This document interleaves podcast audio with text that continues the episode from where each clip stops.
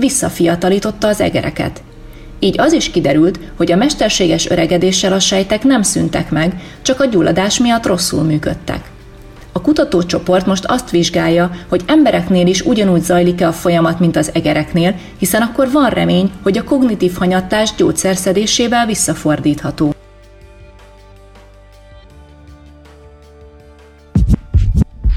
Ezek voltak a hírek.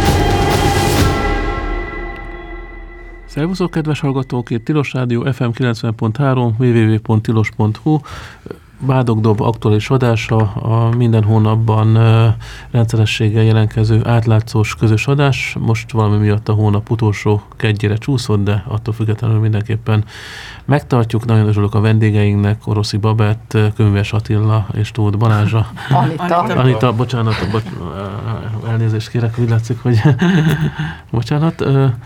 Adástelefonszámunk 215 37 73, és meg kértek, hogy mindenképpen jelezzem ezt közérdekű közleményként, hogy nem sokára itt van az 1%-os adófelajánlásnak az ideje, és hát minden hallgatót kérnék, hogy a tilos számára ajánlja fel ezt az 1%-ot, az adószámot azt megtaláljátok a tilosnak a honlapján, úgyhogy itt véget is ért a közérdekű közlemény.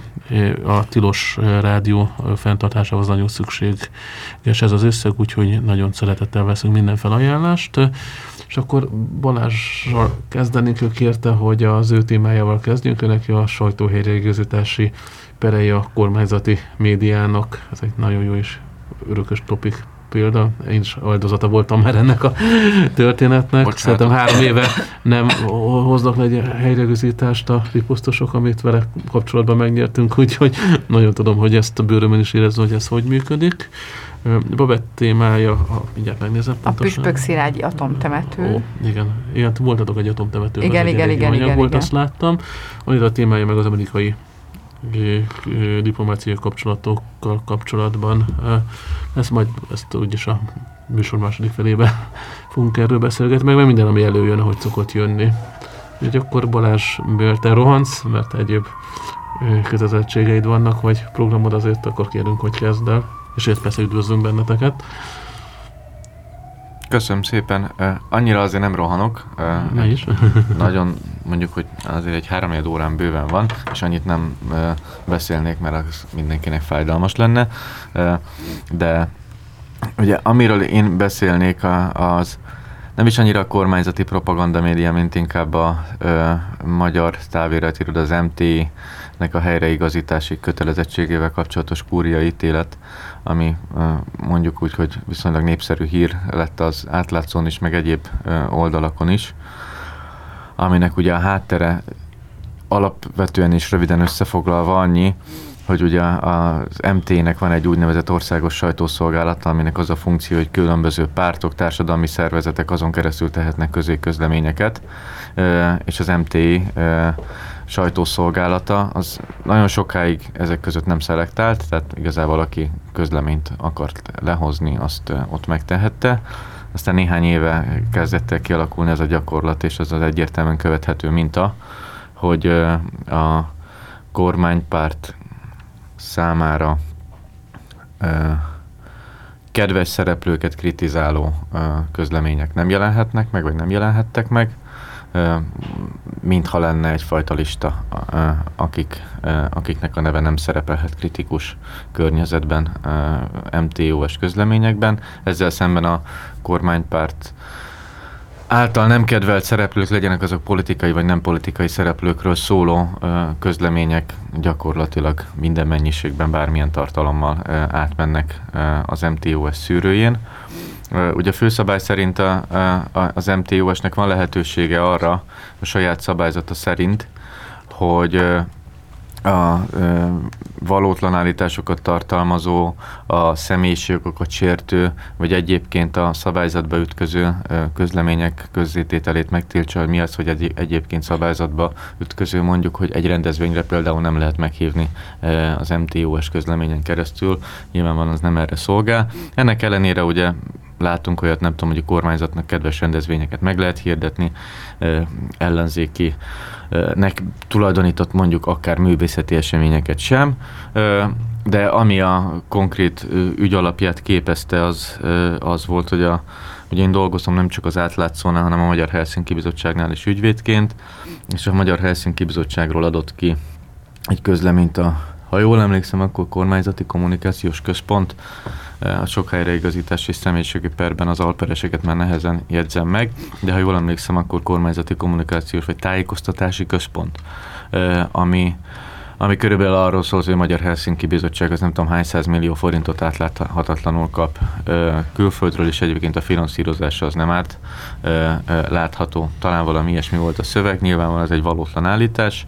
Kértünk ezzel kapcsolatban helyreigazítást az MTOS-től, akik megtagadták arra hivatkozva, hogy az MTOS az nem szerkeszti a híreket, ugye nem ők írják a híreket, hanem... Ez olyan klasszikus híresztelés, hogy nem igaz. Hát ez, ez így van. bent van a törvényben, nem is értettem ezt a, én sem ezt a megtagadási indokot. Olyannyira, hogy nem értetted te se, ehhez, ehhez képest soha nem perelte senki. Tehát soha eddig e- ezt megelőzően ezzel kapcsolatban helyreigazítási per az MTOS-sel szemben nem volt.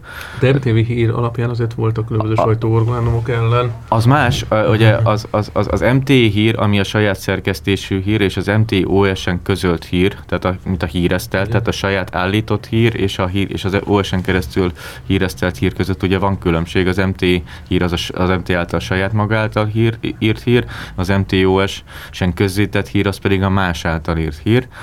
Uh, és ugye pontosan ez volt a, a mondjuk az MT-nek az álláspontja a védekezésének az alapja. Egyébként a szabályzatában azt tippelném, hogy még ma is benne van, két-három héttel ezelőtt még, még, még emlékeim szerint, amikor néztem, benne is volt, hogy az MTO se semmilyen felelősséget nem visel, semmilyen jogi Igen, felelősséget nem jogi visel. Problémák nekünk is ebből korábban, ha Indexnél, úgyhogy még akkor fizetős is volt az MT ráadásul. Most is fizet, tehát hogy most is van fizetős része, tehát hogy a szabályzat szerint meghatározott tartalom vagy minőség fölött, vagy mennyiség fölött fizetni kell érte.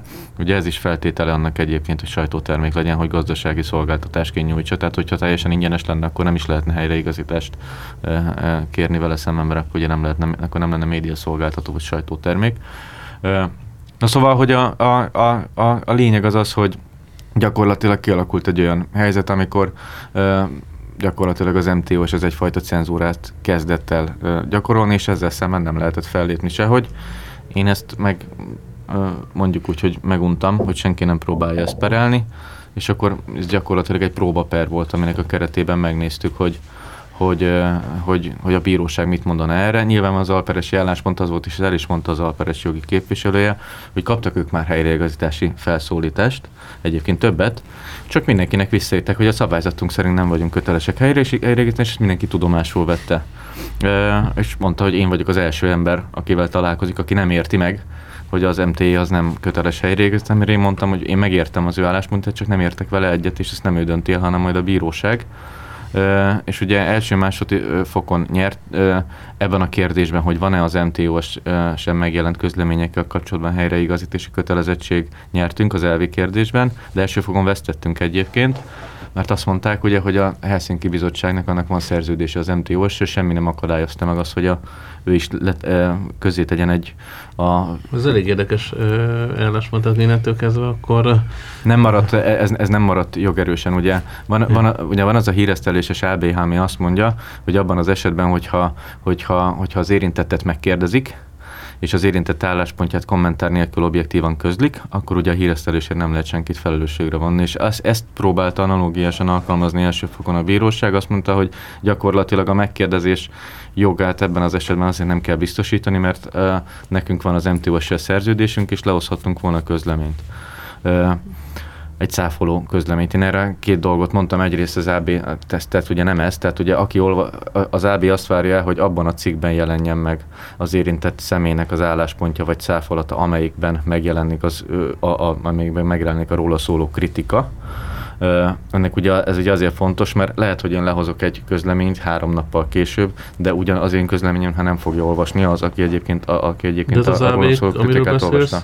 Ez csak Igen? a, közérdekű ügyekről van szó, nem van ilyen Igen. politikusokról vagy nem most azt mindenki... Közügyről. Hát ez, ez közügy, hát ugye ez a sajtótájékoztatóról szól alapvetően. Sajtótájékoztató, azért mondom, tárgya, a sajtótájékoztató, igen. Felendített, hogy, hogy elnézést, hogy meleg, és hogy megkérdezés, hogy cáfolj, és akkor, mert nem lehet kompenzálni, mert a kompenzáció tilalma magában az nagyon keményen benne van van a sajtóperekben. Ez így van. Egy belüli kompenzáció tilalma pont azért, hogy a nem zörög a harasz, hogyha nem fújják. Így van. Igen. azért ne lehessen ebben visszaélni. Így van, de mindegy, a, a, a lényeg az, hogy nekem azzal még a nagy bajom nem lenne egyébként, hogy azt mondjuk, hogy egy, hogy egy kormányzati tájékoztatási központ által közétett nyilatkozat az hasonló funkciót tölt be, mint egy sajtótájékoztatón egy kormányzati szereplő által elmondott bármi és hogy az, hogy beszámol erről is az MT, meg arról is az, az MT, azt nekem lehetne egyébként analóg. Nekem azzal volt a bajom ebben az esetben, hogy egyrészt az, hogy nem kérdeznek meg előtte, és hogy én lehozhatok egy közleményt, ez nem ugyanaz, mert az, hogy én cáfolok valamit, egy külön cikkben az, az, az nem, a, abból nem garantált egyáltalán, hogy az eredeti olvasókhoz eljut az én közleményem, ez az egyik.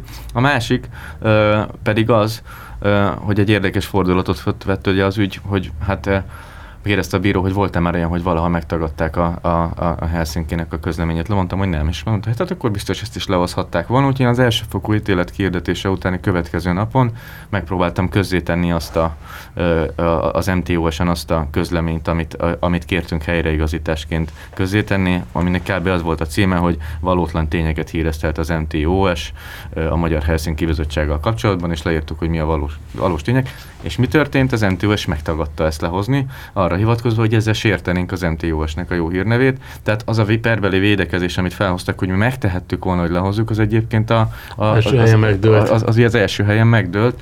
És akkor a másodfok egyébként nem is csak pusztán erre, hogy, hogy ténylegesen mondjuk így nem volt valós a védekezés, hanem arra alapozva is adott érdemben is helyt a, a keresetnek, hogy, ők, hogy ott is az, ők is azt mondták a, a másodfokú, tehát az ítéletelen eljáró tanács, hogy hogy valóban itt nem alkalmazható a, a sajtóhelyreállítás híreszteléses verziójával kapcsolatos alkotmánybírósági határozat, mert hogy ez nem ugyanaz, nem, mivel nem kérdeztek meg minket, mielőtt közölték ezt, ezért az az egyik szükségszerű feltétele, ami a, ami a felelősséget kizáró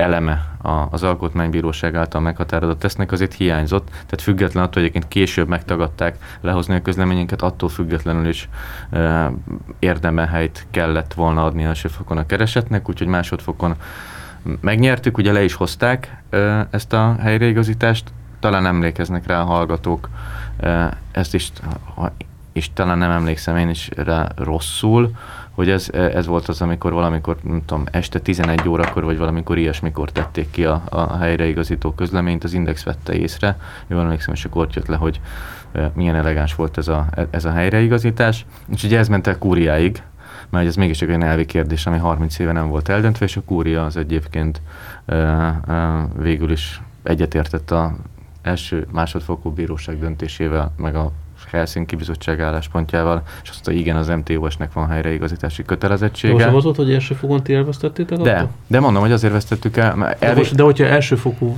döntéssel egyetértett, hogy lehetett a, más... Úgy értem, hogy az elsőfokú döntésnek abban azzal a része, hogy az MTOS-nek ja, van helyreigazítási kötelezettség. Tehát az volt, hogy van helyreigazítási, csak ebben a konkrét esetben nem volt. De hogy egyébként van. Igen. Tehát ugye a, a fontos kérdés az az volt. De a lényeg az, hogy a másodfokú ítéletet hatájában fenntartotta és akkor most már gyakorlatilag az, az szerintem nem nagyon vitatható, hogy, hogy az MTO-snek van ilyen jogi felelőssége. Magyarul szerintem az a saját szabályzat egyébként jogszabálysértő már kurjétét alapján, és azt nem írhatnák be, hogy mi nem viselünk semmilyen jogi felelősséget azért, amit, amit mi csinálunk, hiszen a kurja kimondta, hogy dehogy is nincs, van, minimum helyreigazítés felelősségetek van. Én ennél tovább, én ennél tovább mennék, ugye van ennek egy másik oldala is, mert az egyik az, amikor nem hozzák le az én közleményemet, vagy a, amikor rólam hoznak le valótlan hír, de a másik az, amikor, amikor nem hozzák le az én közleményemet. Szerintem az is perelhető egyrészt, ha szerződésem van, akkor ugye mm, mm, szerződéses kötelezettségét szegi meg az antiós feleszem, ha meg nincs szerződésem, vagy ha szerződésem is van, akkor is felmerül egyébként, az végig csak egy szólásszabadságot korlátozó döntés egy, egy, egy, egy, egy állami szerv részéről, hogy én Jó, nem csak milyen jogcímet támadott meg? Hát ö, simán szólásszabadság, mint ö, személy, személyhez fűződő jog. A, a szól van benne, ez, ez nincsen az, bocsánat, csak PTK. Nem, az Sima. szólásszabadság így. Sima, személyhez fűződő jog sérelme. Szerintem ez alkotmányos jog sérelem, szólásszabadság sérelme. Persze, hát egy Strasburgi egyezmény és a, a alkotmány biztosítja a szólásszabadsághoz való jogot. Az, hogy nem nevesíti a PTK ezt, e, ezt személyiségi jogként, az nem jelenti azt egyébként, hogy, az, hogy a szólásszabadsághoz való jogkorlátozására ne lehetne polgári jogigényt alapítani, legalábbis szerintem. Ha így lenne, akkor minden egyes szólásszabadság korlátozásával kapcsolatos döntés közvetlenül Strasbourgban kéne perelni. Tehát szerintem mindenféleképpen egy, egy, egy, egy ilyen döntés lehet. Egyébként meg ö, szerződéses viszonyban áll nagyon sok ugye szereplő az MTOS-sel, ott akkor meg a szerződés ö, szegéssel okozott kár ra szerintem lehet perelni. Tehát ez egy másik oldal ennek a dolognak. Én mindenféleképpen megpróbálnám azok helyébe is, akik akik ilyen helyzetbe kerülnek. Ugye itt jelzem politikai pártok, közszereplők, azok, akik, akik esetében felmerül ez, hogy, hogy nem hozzák le a közleményeiket. Kíváncsi vagyok, ugye ez is megint két kérdés általában, hogy van-e ilyenért jogi felelősség, és ha van, akkor egy konkrét esetben hogyan lehet azt eldönteni, hogy az MTOS egyébként jól mérlegelte, az tényleg jogosan tagadta el meg, mert hogy a személyiségot sértő volt, vagy mondjuk a közügyek uh, szabad vitatására uh, val kapcsolatos. Igen? sérelemdíjas mert is lehet igen, az igen, MTV igen, ne, ne, hogyha, ne, igen. Nekem, igen, nekem ez az álláspontom, hogy a, hát még, mégiscsak a, a szólásszabadság az az én alkotmányos alapjogom, az alkotmányos alapjogom sér, megsértése esetén én indíthatok sérelemdíj alapra irányuló Akkor hogyha ők sértenek meg személyes fűződőket valakinek egy igen. tájékoztató alapján. Igen, így van, pontosan, így van, igen, igen, mint ahogy egyébként jellemzően egy, egy, egy, egy valótlan és sértő állítással kapcsolatban lehet sajtóhelyrejutást is indítani, meg egyébként személyiségük megsértésére irányuló, vagy megállapítására és sérelendíj megfizetésére, kötelezésére irányuló pert is. Persze. Tehát, hogy szerintem ez ugyanez. Szerintem az MT-nek nem csak helyreigazítási, hanem, hanem, hanem mondjuk így vagyoni felelőssége is van az által okozott kárért. Hát ezt igen, ezt érdemes is szerintem hátva. De még soha nem csinálta meg senki, tehát hogy én szerintem ez tök fontos lenne, hogy, hogy, hogy tényleg hogy ez a következmények nélküli ország képzetét ezt kicsit oldjuk, és én mindig ebben a szempontból tényleg lehet, hogy furcsa, de én ebben optimista vagyok, tehát a, a bíróságok szerintem ezekben az esetekben nagyon sokszor helyes döntést hoznak, lásd ez a, ez, ez, ez a döntés is. Tehát érdemes, értem én persze, ez is nem is tudom, másfél vagy két évig tartott ez is összesen nyilván első másodfok, meg, meg kúria még úgy is, hogy egyébként helyreigazítási per lehet a kúriáig eljutni, azért az nem, az nem fog lemenni fél év alatt, de szem érdemes végigcsinálni, mert négy-öt-hat év alatt azért, azért, azért, hogyha sok ilyen per indul, akkor szerintem lehet egy kicsit változtatni.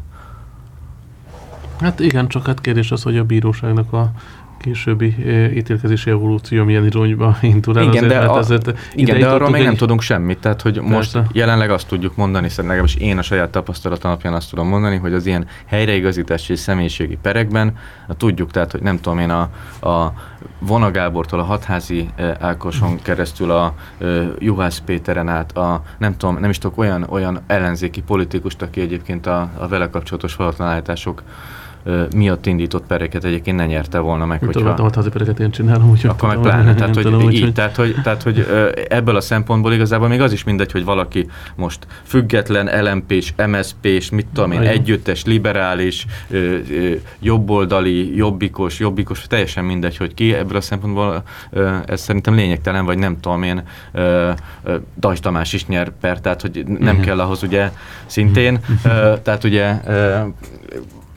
nem is arról van szó, hogy a kormánypárt ellen ítélnek mindig. Rogán Antal is nyert, nem tudom én, per Dajs Tamás is nyert per, tehát hogy ebből a szempontból szerintem azért annyira nagy baj nincs. Mármint a bíróságokkal.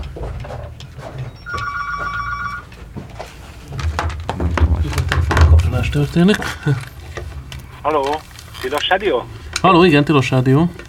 Szia, hallgatom a műsort, és az lenne a kérdésem, hogy az rendben van, hogy meg lehet nyerni ezeket a pereket. Viszont valahogy az az érzésem, hogy azt a, azt a, a, az, az eltolást, ami történik, tehát azzal a, a hírnévvel, illetve az egész hírbehozással, azt nem tudja kompenzálni a, a jogi ítélet ezek után. Ennek nem lesz akkor a, a média jelensége, hogy igen, ez az állítás nem volt igaz. Egyszer előtették a fejben, hogy mit tudom én, ember teszik, és akkor onnantól kezdve hiába cáfolja a hírt, hogy ember teszik XY, ezzel sokkal nagyobbat rombolódik az ő hírneve, mint amekkora kompenzációt ő kap. Mit gondoltok ti erről? És akkor letenném, és hallgatom a választ majd élőben. Én ezzel tökéletesen egyetértenék. Ebből a szempontból szerintem két bajban a gyakorlatta. Az egyrészt az, hogy lassú, tehát nyilván gyorsabban kéne ezekben az ügyekben ítéletet hozni ugyan soron kívülök az eljárások, de látjuk, hogy adott esetben még egy jogerősítéletre is egy év után kerül sor. Ráadásul ugye, hogyha nem hagyja végre a helyreigazításra kötelezett a ítéletet, akkor ugye a végrehajtás az még el fogja húzni az egészet.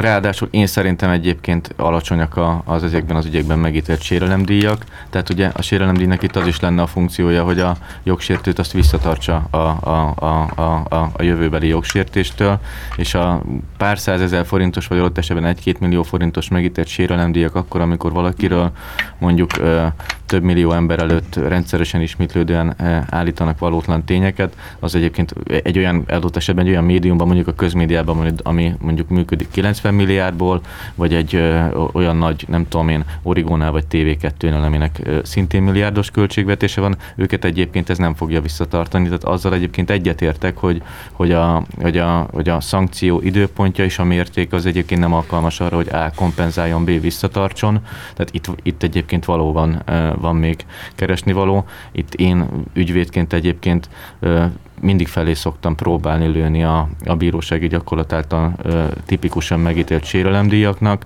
ö, valamikor sikerrel, van, amikor kevésbé sikerrel, de itt abszolút egyetértek, hogy hogyha valakiről egy év alatt elmondták 500-szor azt, hogy ember teszik, vagy nem tudom én, ugye itt a hatházi Ákos megölte a szomszédját, nem igaz, tehát hogy mondom, nem igaz, meg nem tudom, Vona Gábor nem tudom mit csinált, meg Juhász Péter nem tudom mit csinált, akkor, akkor ugye ezeket már nem lehet kompenzálni, ráadásul ugye nagyon nem mindegy, hogy ezeket jellemzően választási időszakra időzítik, tehát hogy a választás előtt két-három hónappal lehozzák ezeket a lejárató cikkeket, és az, hogy a választás után egyébként kiderül, hogy ez nem volt igaz, az, az abból a szempontból mindegy, hogy a, a, a hazugságot terjeszt, az már érte a célját, hiszen a választások idejére besározták az érintetteket.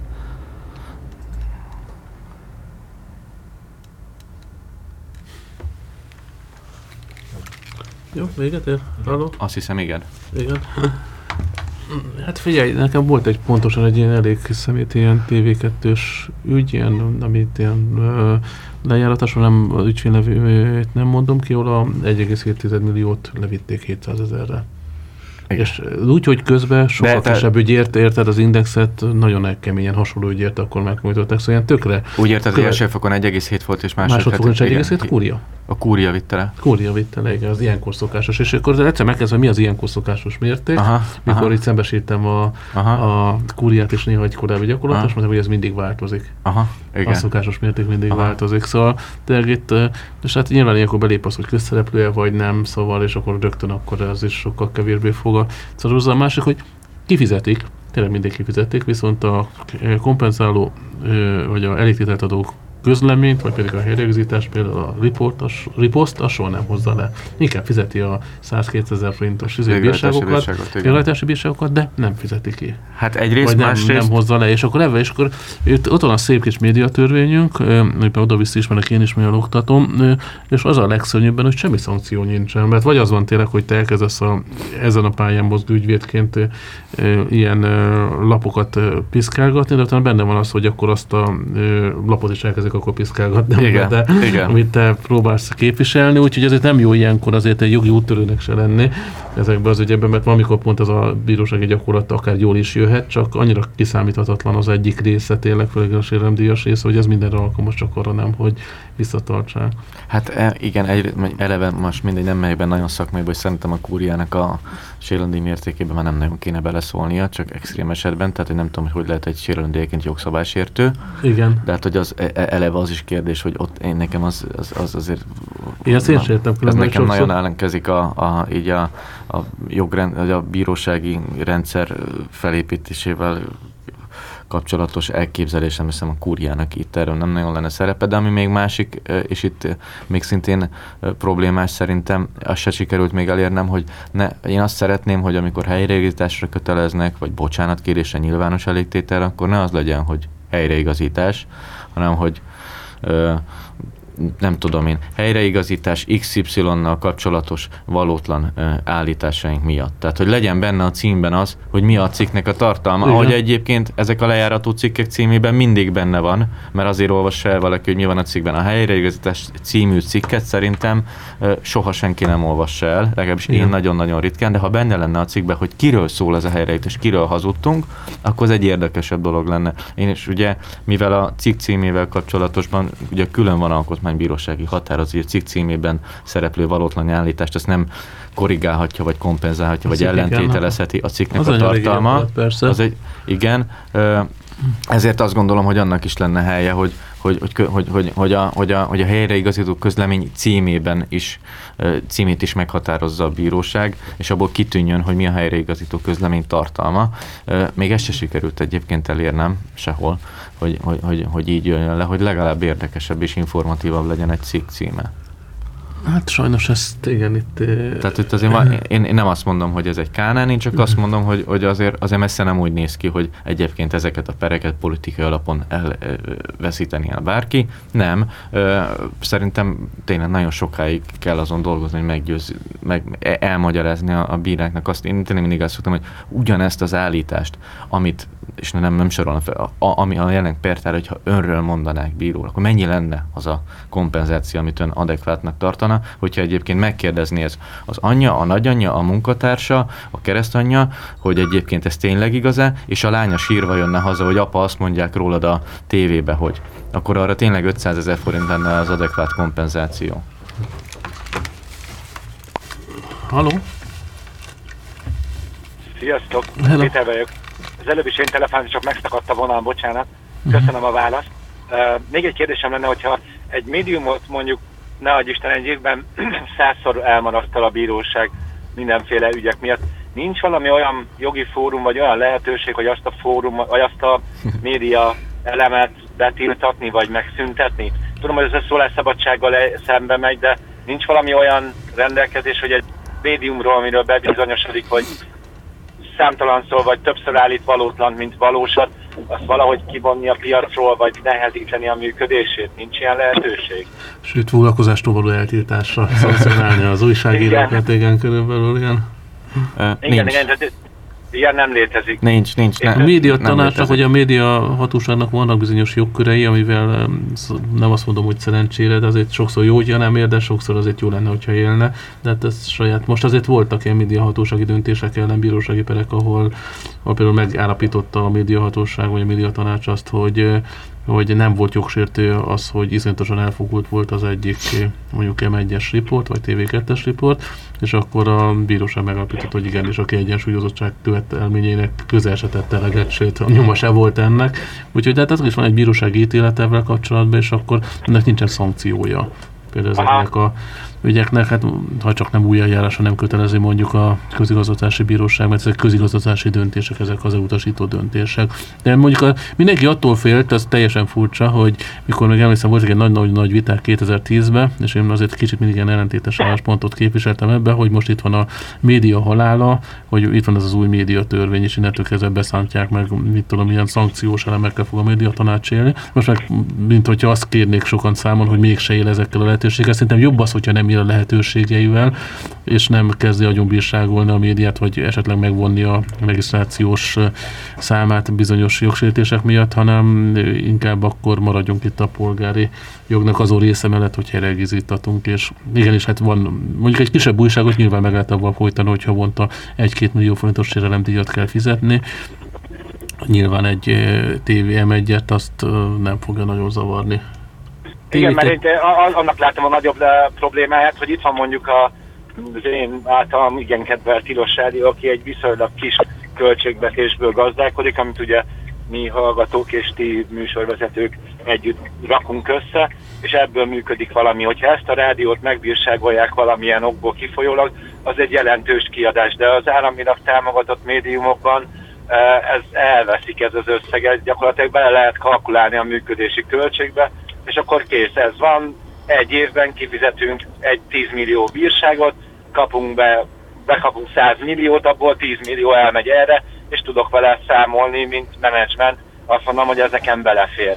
Hát figyelj, bulvárlapok is működnek így, hogy különítenek el egy alapot arra, hogyha írják a különböző celebekről az olvasottság növelő baromságokat, és akkor később kifizetik, vagy peren kívül megegyeznek. Ez létező dolog, és azt is tudni kell, hogy a bíróságok azok nem mélegedik, hogy mekkora költségvetésből dolgozik az adott sajtó termék, úgyhogy az, az lehet akár egy saját magad által alapított és a magad által naponta írt ilyen internetes újság ugyanannyira több millióra is meg tudnak viságolni, hogyha olyat írsz valakiről, úgyhogy nem, ez nem szempont. Azért mondjuk a saját magad által alapított újságnak az elérése és a TV2 érése közötti Igen. különbséget még fogják mérlegelni. Tehát nem a gazdasági teljesítő képességet, hanem az, ha te, te blogodat nem tudom, hogy van-e is, hogy olvassák, de, de, de hogy nyilván van nem ugyanaz az elérése, és akkor nem ugyanaz az a sérelem vagy kár, amit okozol és nemzetközi fórumok, gondolok itt mondjuk a, az Európai Ügyészséghez, vagy ilyesmihez nem lehet fordulni esetleg ilyen ügyekben? Hát mondom, engem az idegesít legjobban, bocsánat, csak gyorsan miért érdekel ez engem? Engem rettenetesen zavar ez a, ez a fajta uh, szellemi terror, ami, ami nap mint nap ér, adott esetben a metró mellettem ülő ember olvassa a kezében nyomott újságot, és már a szalagcím kifordítja a gyomat, és egyszerűen jó lenne valahogy elérni, hogy ezek ne lehessenek ilyen könnyen hozzájutni, vagy nem tudom, nekem zavar, valamit szeretnék tenni, csak nem tudom, hogy mit lehet, vagy mi az, amiben tudok én is, mint, mint polgár, mint gondolkodó ember valamit tenni, hogy ezek, ezek szűnjenek, vagy nehezedjen meg a működésük. Mit javasoltok? Mi a jó eljárás? Hát ügyvédként megoldást erre nem tudok neked javasolni, nem ügyvédként pedig nem javasolnék semmit. tehát, tehát, hogy az van, nem, tehát Európai Ügyészség egyrészt nem csatlakoztunk, másrészt ugye a büntető kompetenciája lenne, ez nem büntető kérdés, meg egyébként is mondjuk annak egyébként uniós források felhasználásával lenne hatásköre nem ilyenekkel. Tehát nem, ez szerintem amíg ilyen a hatalmi struktúra és a, és a, és a hatalom működésének egy fontos módja az, hogy a, hogy a nyilvánosságot azt így urálják és ilyen módon addig ez szerintem így marad, és a jogi eszközök azok ilyen korlátozott hatóerejük. Én mindig azt mondom, hogy ez nem lesz megváltás, de hogyha ez se lenne, akkor szerintem még rosszabb lenne. Különös tekintettel azoknak az érintetteknek, akik legalább azt a kompenzációt megkapják, amit megkapnak a bíróságtól, hogyha az kevés is. Nem tudom, magyar narancsa, kicsi, meg nem tudom, savanyú, de a miénk, tehát hogy akkor az a sérelemdíj lesz az, ami, ami egyébként akkor marad belőle az még mindig több, és hogyha mondjuk azért pár millió forintot valaki nyer egy-két év után, akkor nem azt mondom, hogy úgy érzi, hogy rendben van a világ, de azért, Igen, de, kev... de, de, azért, de, de azért kevésbé rossz, mint hogyha, mint hogyha még az se lenne. A, a többi az szerintem nem a bíróságok és nem a jogászok feladata, mondom azzal a fenntartással, amit említettem, hogy szerintem a sérelemdíjak mértéke az jelenleg a mostani értékviszonyoktól nagyon-nagyon elrugaszkodott, és az eljárások lassúsága az, az még a soron kívüliség ellenére is problémás, és a, az, hogy a helyreigazítások címe az a semmit mondó helyreigazítás, az szintén kevésbé teszi alkalmassá arra, amit erre egyébként lehetne használni. Tehát nekem ez a három ilyen megjegyzésem van, ami a, még a létező jogi kereteken belül javítható lenne, és ha ez mindez jó lenne, a te problémádat még akkor sem oldanánk meg, mert biztos, hogy nem támogatnám, hogy betiltsunk lapokat, és te, te biztos, hogy arra kényszerülne. A szembe megy, ez teljesen egyértelmű. Ezt sem szeretném, csak egyszerűen az, annak örülnék, vagy annak az lenne talán jobb, hogyha az emberek nem feltétlenül tudnának többet tájékozódni, vagy jobban tudnának tájékozódni abból, hogy mi a hiteles és mi a hiteltelen médium.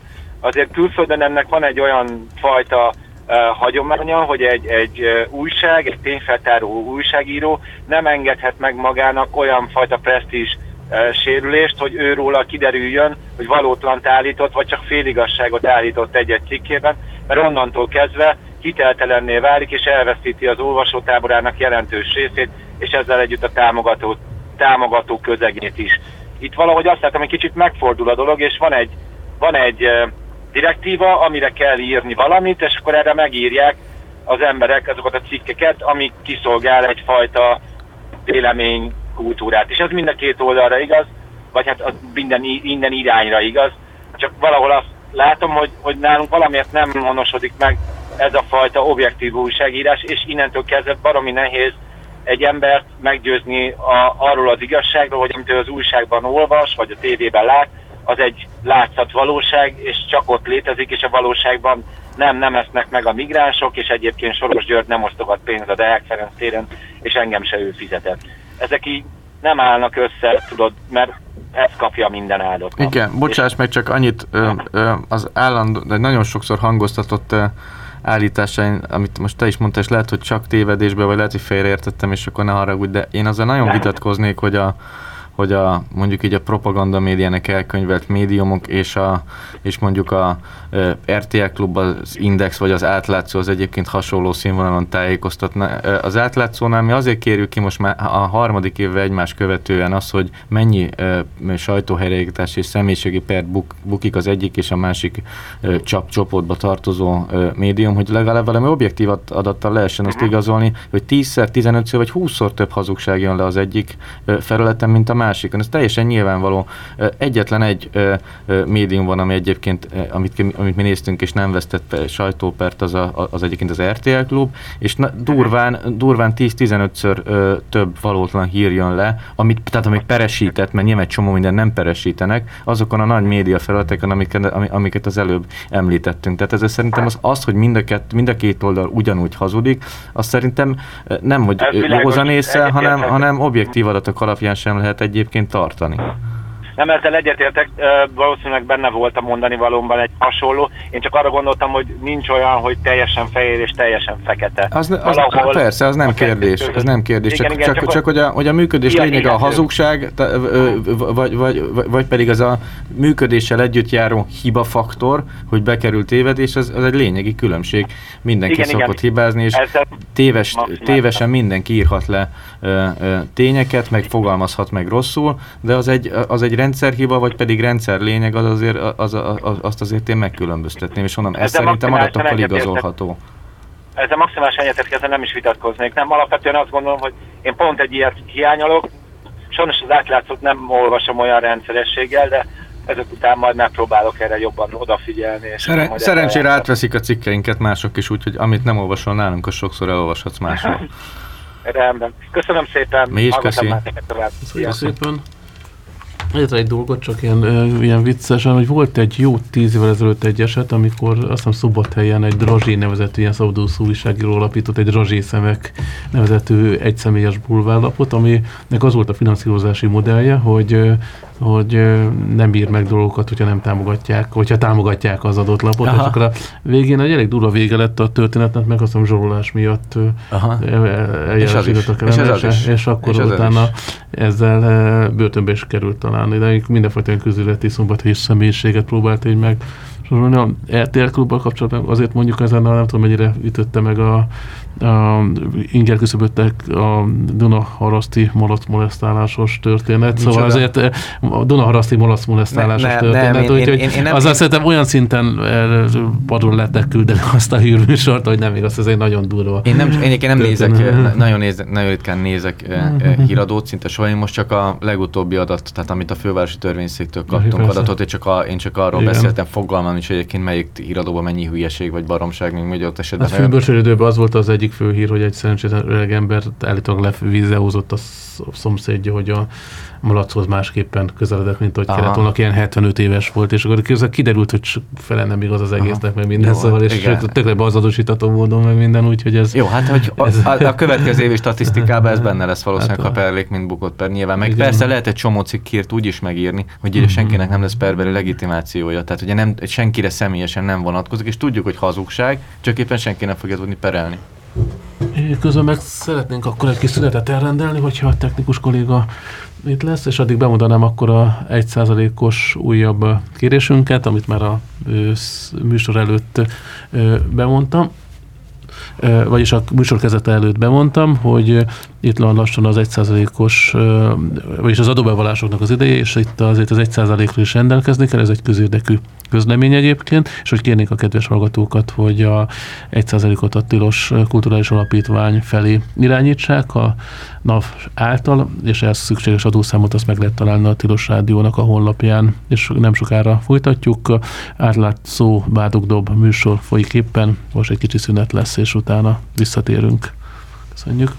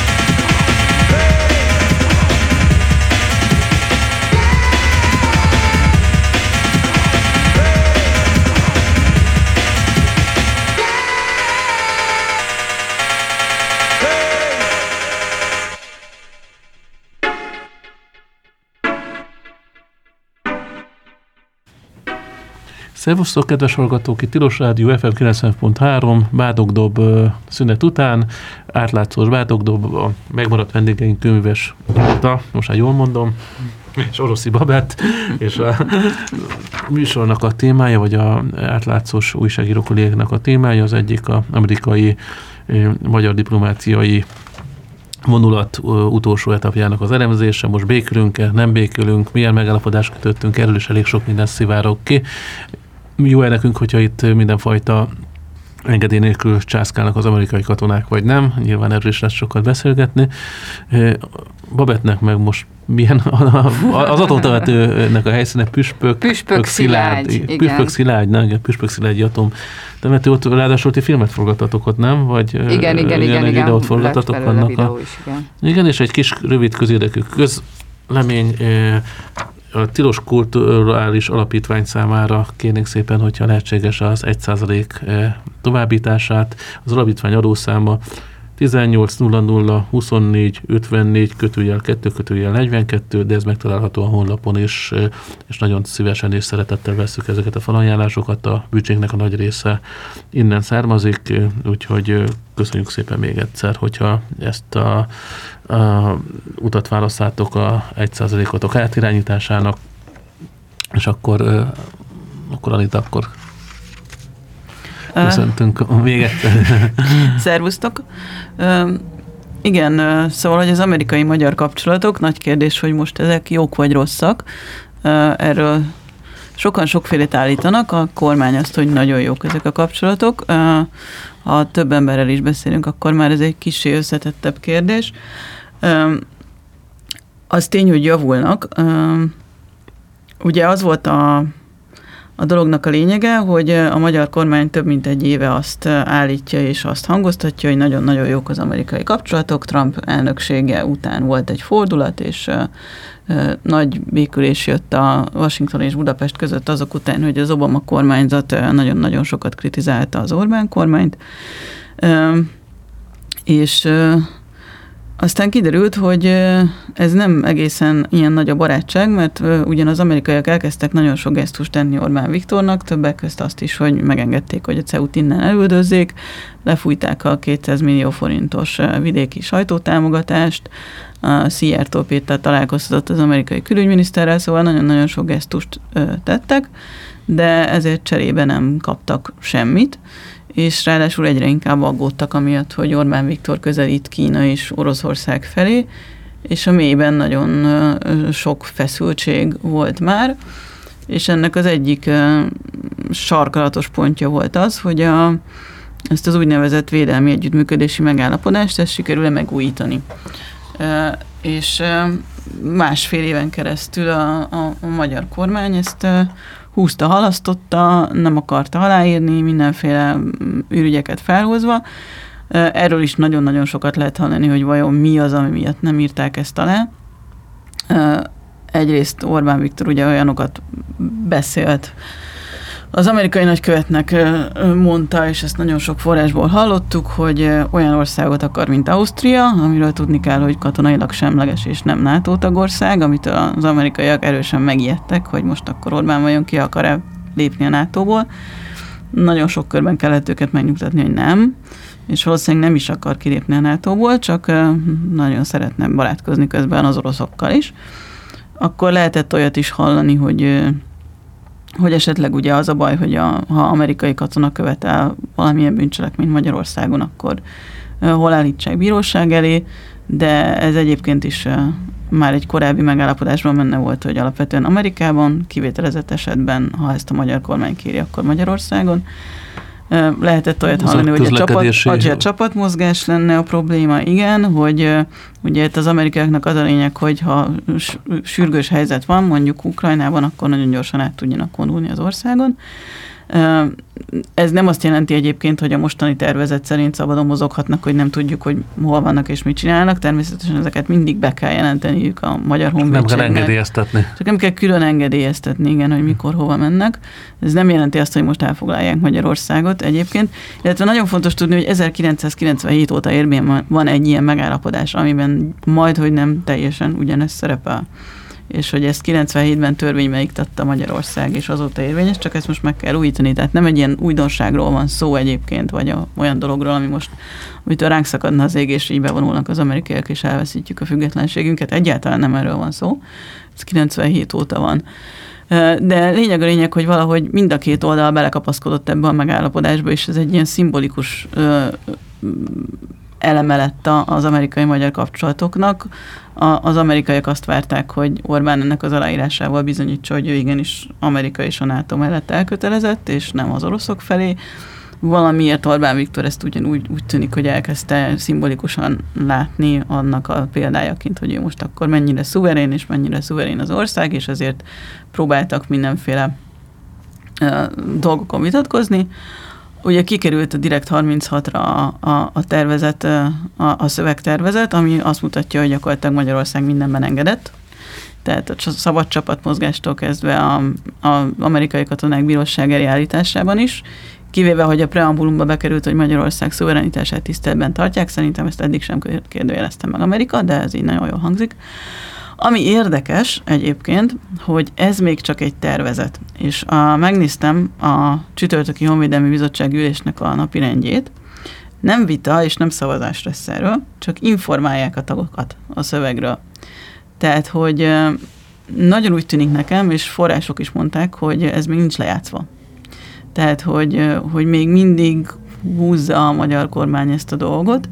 Kíváncsi vagyok, hogy mi fog csütörtökön történni, de, de nagyon úgy tűnik, hogy most még sincs ebben akkor előrelépés.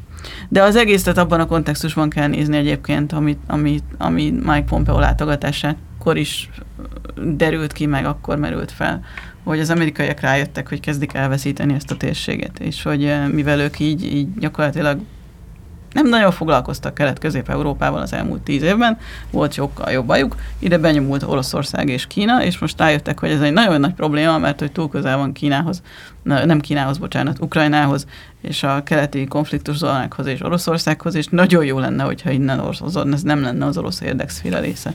Tehát ez az egész ebben kell nézni, hogy ők nagyon félnek most, hogy elveszítik ezt a térséget, és átállunk Oroszországhoz. Most nem az lesz, hogy akkor Orbánnak sokkal több engedményt adnak, és elnézik ezeket az álmokfutásokat, amiket itt a jogállam leépítésével kapcsolatban e, ézőnek azért nem csak belülről, hanem kívülállók számára is? Ez nagyon valószínű, hogy erre nagy esély van, igen. Tehát, hogy cserébe azért, hogy mi mondjuk visszaállunk teljes messzélességgel a NATO-ba, és, és Amerika oldalát választjuk, ha ezt választjuk, ebben még nem vagyok teljesen biztos, akkor igen, tehát az amerikai politika az ebben a pillanatban iszonyatosan érdekvezérelt, és nem értékvezérelt, hogyha ők nyerhetnek egy fontos szövetségest, akkor szemet fognak hunyni a jogi futás felett. Ez Igen, mondjuk, de erre mondjuk az Európai Unióról azért nem tudnak ekkor hatást gyakorolni az amerikaiak se, úgyhogy azért akkor kettős, mondjuk abban az is benne van, hogy most amerikaiak bármennyire néznek mondjuk, vagy hújnak szemet bizonyos dolgok felett, azért az Unió azért annak megmarad a maradék ilyen kényszerítő ereje. Igen, de ezzel gyakorlatilag az amerikaiak a saját lelkiismeretüket szokták egyébként nyugtatgatni, hogy ez úgyis az EU dolga. Igen, nem igen. a mi dolgunk. Egyrészt igen, másrészt viszont látni kell, hogy hogy nagyon sok minden től tartotta vissza az Orbán kormány, talán nem is mindig tudjuk, hogy mennyi mindentől a magyar, az Orbán kormányt, az Obama kormány a háttérben való nyomásgyakorlása, mint ugye egyszer kiderült, hogy a Human Bálint szobor is azért nem lett, mert az amerikaiak annyira erősen oda hatottak a háttérben. Ezt maga Obama szólt el egyébként egy beszédben. Hát nyilván az, hogy azért a kormányzati kommunikáció az erő, erőteljesebb a tekintetben, hogy az ilyen kudarcokat nem szokták eh, nagy dobra verni, hanem ilyenkor elhogatják, és akkor később talán egy-két ilyen oknyomozó újságíró által eh, megszerzett dokumentumból kiderül, hogy igenis itt mekkorát engedtek, vagy mekkora engedményeket eh, hát, tudnak a háttérbe azért a mindenfajta verbális igen, igen, hát mondjuk ez a, a, a ellentétes verbális a vezekedés igen. ellenére. Hát a, védelmi együttműködési megállapodásnál ugye az, az gyakorlatilag egy törvény lesz, ha elfogadják, ezt törvénybe iktatják, úgyhogy ez majd annak nyilvános lesz a szövege. Most a tervezetet onnan tudjuk, hogy kiszivárgott, de, de az nem egy titkos szöveg alapvetően. Azért tudjuk azt is, hogy az előzőben mi van, a jelenleg érvényben lévőben. Tehát az bárki megnézheti, hogy a mostaniban mi van, ez nem egy titkos háttér megállapodás, és nem adják el az országot. Hát azt nem is gondolta senki, hogy eladják az országot, csak uh, ilyen hirtelen tényleg ilyen érdekes volt ez a látogatás, meg azért, hogy hányfajta információ és mennyire ellentétes információk szivárogtak azért ki a látogatással kapcsolatban. Igen, de azt látni kell, hogy ellentétes információk a magyar oldalról szivárogtak ki. Igen. Amerikai oldalról minden információ egyforma volt, a, Mhm. mind a szivárogtatott, mind a nyilvánosan előadott, de az, hogy, hogy Mike Pompeo több országot is meglátogatott, és nagyjából ugyanazt mondta el, az mutatja azt, hogy ez tényleg egy régiós kérdés. Uh-huh. És most ebben a régióban ez a stratégia, hogy, hogy vissza kell szerezni ezeket az országokat, és nem szabad hagyni, hogy belecsúszanak Kína és Oroszország karmaiba, idézőjelben mondva. Hát valahol, nem tudom, melyik cikkben olvastam, most nem akarom itt a butaságot mondani, hogy melyik új hírportálon jelent meg, tudom, hogy nem nálunk az Indexen, hogy, hogy állítólag a szlovákok is rájöttek, amikor meglátták ez a megállapodás, hogy esetleg ők is többet ki tudnának akkor vívni. Azt nem tudom, de, de lehet, hogy igen, igen, volt ilyen, igen, hogy itt jobban taktikáztak a magyarok bizonyos kérdésekben, de hát ezt nyilván ez is ilyen húz meg, erez meg játék. Igen, hát ugye azt is látni kell, hogy ez is egyébként csak egy, egy eszköz az egészben. Itt ugye benne vannak a fegyverbeszerzések, kiderült ugye a Pompeo látogatása során, hogy légvédelmi rendszerek beszerzéséről is tárgyalnak az amerikaiakkal, tehát valószínűleg fogunk venni valamit az amerikaiaktól. Helikoptereket végül is megvásároltuk, vagy megvásároljuk? Azokat az olcsó? Airbus-tól fogjuk venni. Igen, Airbus-tól? Igen. A helikoptert az Airbus-tól veszünk, tankokat a, a németektől. A Scorpio gépisztolyt, vagy nem tudom, mit azt megbeszéltük, hogy a... Azt is gyártják ez- már Firegyházen, igen. igen. Most a töltényeket is állítólag. Igen, az azért vicces egyébként ezt, ez a magyar média működésről mondás sokat, hogy azt, hogy lesz lőpor és lőszergyár, ezt Benkő Tibor honvédelmi miniszter tavaly októberben bejelentette. Nyilvánosan egy sajtótájékoztatón és számtalan sajtótermék megírta. Múlt héten a Magyar Nemzet nevű Magyar Idők titkos forrásokba hivatkozva szenzációként találta, hogy lőszergyár lesz Magyarországon, amit a saját miniszter októberben bejelentett. És utána Hát egész titkosan jelentette be, igen. magyar sajtó átvette, hogy a, a magyar idők nemzet titkos információi szerint lőszergyár lesz, hogy, hogy mindenki átvette azon nyomban szalagcímekkel, hogy úristen lőszergyár lesz, amikor eddig ezt már bejelentették hónapokkal ezelőtt. És hol lesz? Az is ott lesz Félegyházen? Vagy azt még nem tudni, azt, a, a, a, azt még a magyar idők sem tudja, pedig nagyon titkosak a... Van a magyar hang, meg magyar idők, vagy várja, most melyiket mondod? Most? Ne, nemzet, bocsánat. Tényleg Bocsánat, az- kavarodunk. keverem már a sok Igen, magyart, igen, magyar, igen. magyar nemzet. Még a hírlapot nem mondtad, pedig azt is igen. hozzátetted a sorhoz.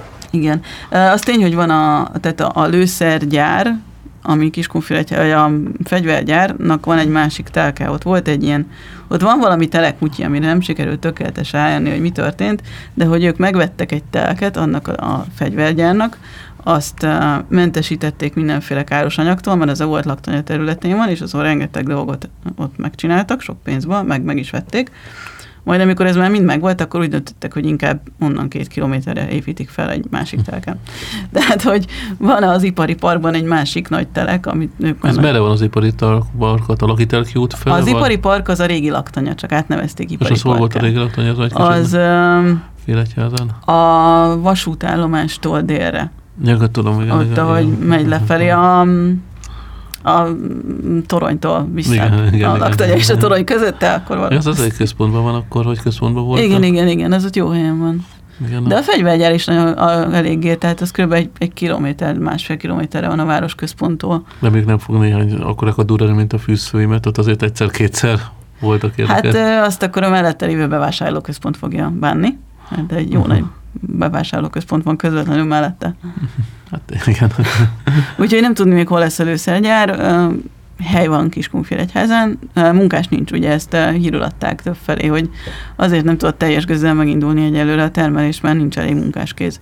És pedig már képzik, a helyi középiskola már elindított ö, fegyvergyár igen. szak, szakmát. Puska művészak, én is láttam ilyeneket. Igen, igen, igen, és uh, folyamatosan toboroznak a helyi újságban munkatársakat, de úgy tűnik még nem sikerült ezt teljesen beindítani. Na térjünk át Babett témájára, még van egy 5 percünk erre, hogy akkor kivesézzük az atomterületet. Sugárzom most különben? Hogy gondolod? nem, legalábbis nem remélem. számlálót, Remélem. úgyhogy igen. Egy, ez egy nagyon-nagyon tanulságos anyag volt többféle szempontból is. Ö, Sugárzóan tanulság. Igen, sugár, sugárzott, tele volt atombombával ez az anyag. Nem, ö, a, tulajdonképpen azért volt nagyon érdekes, mert hogy, hogy hónapokkal ezelőtt nagyon sok jelzést kaptunk, főként helyiektől, hogy ők hogy nagyon-nagyon félnek a, az atomtemetőtől, ami, ami ott van ugye mellettük, és különböző rémtörténeteket hallottunk az atomtemetőről. Beszéltünk is ugye helyiekkel, akik szintén különböző